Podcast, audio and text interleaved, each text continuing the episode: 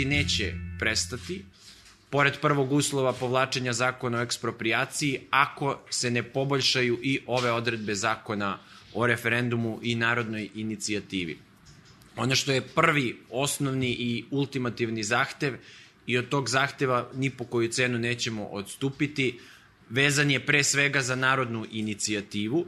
Prema Ustavu Republike Srbije građani su ti koji su suvereni i imaju pravo da predlažu određene, da predlažu zakone kada sakupe 30.000 potpisa. A, ovim zakonom se uvodi plaćanje takse, što podrazumeva da ako predlažete određeni primjera radi zakon i potrebno vam je 30.000 potpisa, vi morate da nađete milion i 200.000 dinara. Istovremeno nije ustanovljena obaveza Narodne skupštine da odluči o tom predlogu zakona i mi već sada imamo situaciju da ono što građani predlog, predlože Narodnoj skupštini koristeći svoje ustavno pravo, Narodna skupština ne stavlja na glasanje, čime krši njihova prava, a sada ne samo što ima mogućnost da nastavi da krši prava građana, nego će za to zadovoljstvo da im uzme još minimum milion i 200 hiljada dinara preko notara. Znači, jedan od ultimativnih zahteva je da se promeni, da se ova odredba ukine član 7 koja se tiče plaćanja. Tačno je da postoje elektronski potpisi koji se ne plaćaju, ali to uopšte nije razrađeno uredbom. Mi smatramo da se ovim ograničava pravo građana na predlaganje zakona. Druga dva uslova su vezana za a, takozvane biračke odbore, ide se na paritet prema a, zakonu, prema izbornim zakonima, znači ovde će sada, ako imamo referendum koji je pokrenut potpisima građana, u, u biračke odbore koji će kontrolisati kako se glasa, bit će samo predstavnici stranaka. Mi tražimo da se ovo izmeni i ukoliko građani narodnom inicijativom pokrenu određeni referendum, oni moraju da imaju predstavnike koji će kontrolisati kako se glasa. Ja samo moram da dam jednu kratku retrospektivu. E, dakle, od jula meseca ove godine do novembra meseca je tekao rad na e, ovom zakonu. Dakle, mi smo krajem juna dobili e, nacrt, nismo bili uključeni kao civilni sektor, niti bilo koji stručnjaci i građani nisu bili uključeni u rad na ovom nacrtu. On se zbog pandemije u jednom trenutku sred leta našao na sajtu Ministarstva državne uprave i lokalne samouprave i ko je video ovo obaveštenje imao je priliku da samo u roku 20 dana da svoje komentare.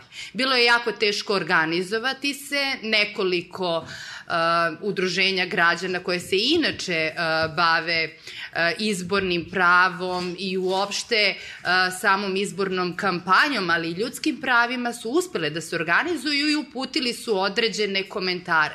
Nažalost, čak i ovako dobro organizovana udruženja nisu bila saslušana, već je onaj nacrt koji je bio objavljen 20 dana na sajtu odmah upućen Venecijanskoj komisiji prvi put na uh, hitno mišljenje.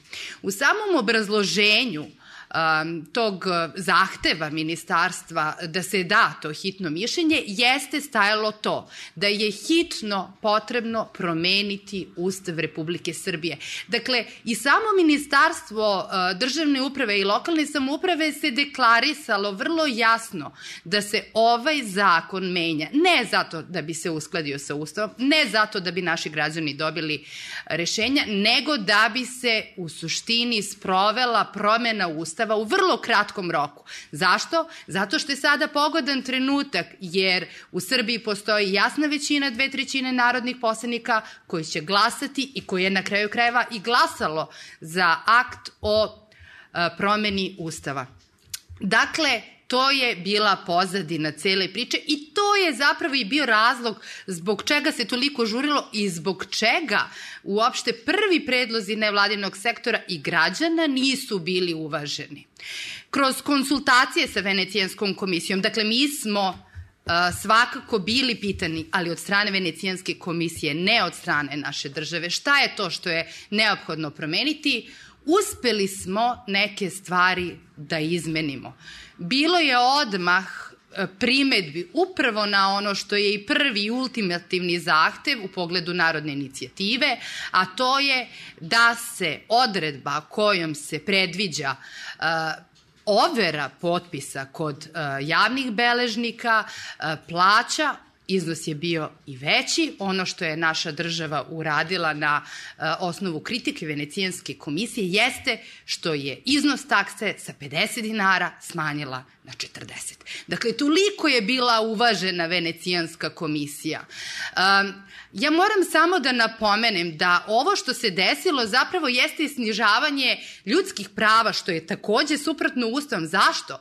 Zato što smo po prethodnom zakonu, koji nije bio dobar i koji je morao da se promeni i da se razumemo, dobro je što je zakon promenjen i u nekim segmentima on je dobar, ali u mnogim nije upravo ova odredba zapravo nije postojala. Dakle, vi ste mogli za sedam do duše dana da prikupite potpise i to smo nekoliko puta i činili i uspešno činili, ali nismo morali niti da plaćamo, niti da organizujemo uopšte prikupljanje sredstava, niti da organizujemo overu. Znate, nije samo tu pitanje novca, tu je i pitanje organizovanje 30.000 e, e, potpisa koje treba da, da overi e, javni beležnik. Dakle, pored toga što treba da prikupimo 30.000 potpisa, pored toga što treba da, da prikupimo sredstva, mi ne znamo odakle ta sredstva uopšte možemo da prikupimo. Ako pogledamo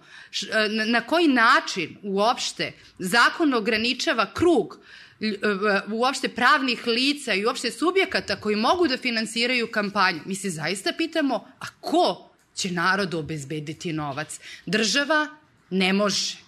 Ne može takođe, bilo kakve strane donacije su apsolutno zabranjene. Dalje, ne možete čak, recimo, ni od nekih privrednih subjekata ukoliko nisu platili neke poreze i doprinose. Dakle, primenjuju se neka pravila kao da govorimo o javnim nabavkama, a ne o ostvarenju prava građana da utiču na određene politike, a to je ustavno pravo građana.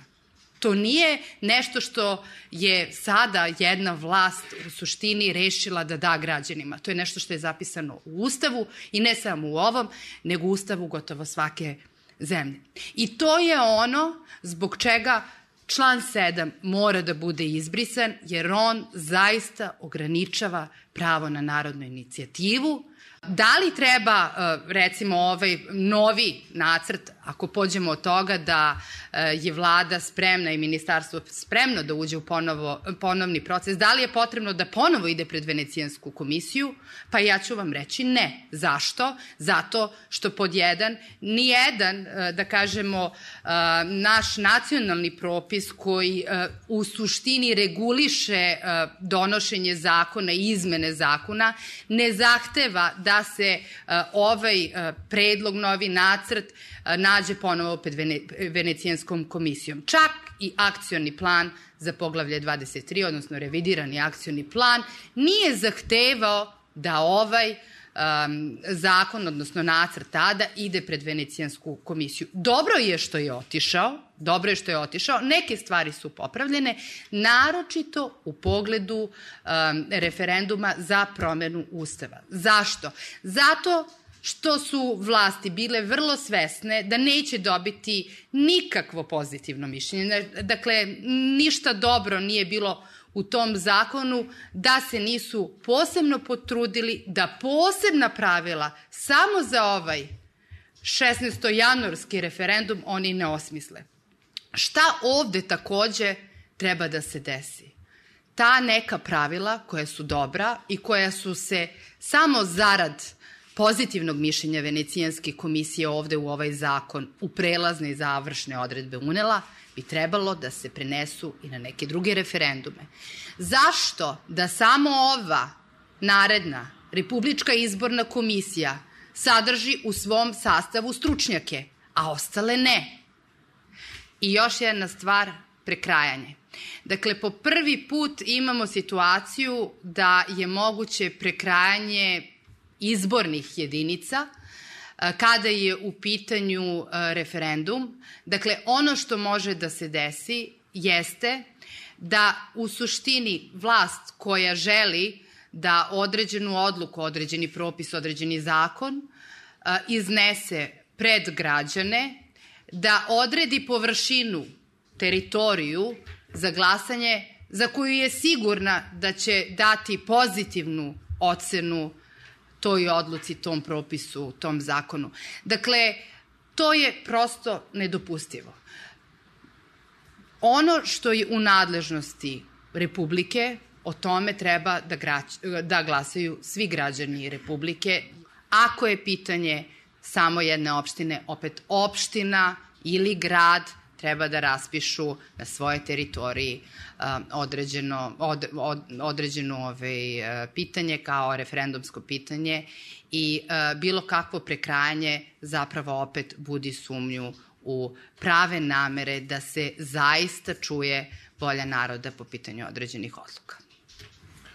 Ukoliko se ne usvoje ovi predlozi, uh, mi se sigurno nećemo baviti referendumskim pitanjem, nego ćemo ući u dalju radikalizaciju protesta.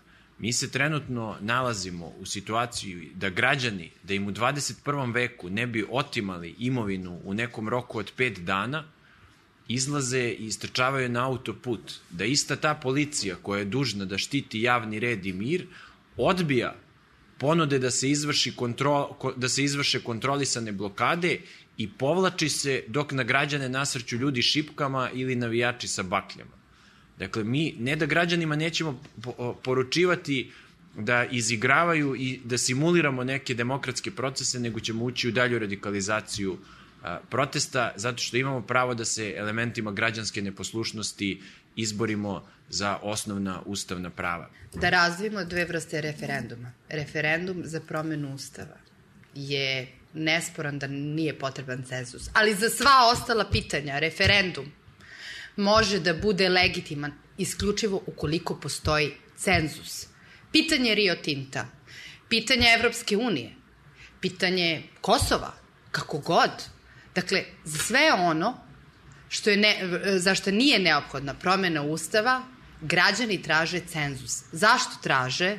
Zato što smatraju da je to jedini način da njihova volja zaista bude prikazana po pitanju onih stvari kojih se njih najviše tiče. Zašto su izašli građani? Zato što su smatrali da upravo izmenom ovog zakona njihova stvarna volja po pitanju Rio Tinta, eksploatacije u stvari litijuma u dolini reke Jadar, neće biti prikazana na pravi način, već će njome biti manipulisano. I zapravo su zbog toga izašli e, na ulice, povezujući to sa izmenom zakona o ekspropriaciji. Zašto? Zato što je donet iznenada, taj, ta izmena nije bila u planu vlade. Dakle, postoje, neke, postoje neki interesi zbog čega se odjednom u hitnom postupku taj, uh, ta izmena zakona našla na dnevnom redu. Dakle, vi osjećate jednu izneverenost, dakle, to su dve vrste referenduma i zato e, stalno pričamo o tome, nije problem ovo usaglašavanje, ali su problem one ostale, ostale vrste referenduma koje može s jedne strane da e, raspiše bilo koja, da kažemo, skupština, da li na lokalnom nivou, da li na republičkom, prosto da bi potvrdila svoju odluku ili propis koji se odnosi na građane i nekada, znate, i prenela taj teret sa sebe na građane. Znači, to, to, je, to je cela priča. A, znači, ništa ne obavezuje trenutnu vladu, Narodnu skupštinu, niti lokalne vlasti da potvrde odluku o eksploataciji litijuma e, putem referenduma.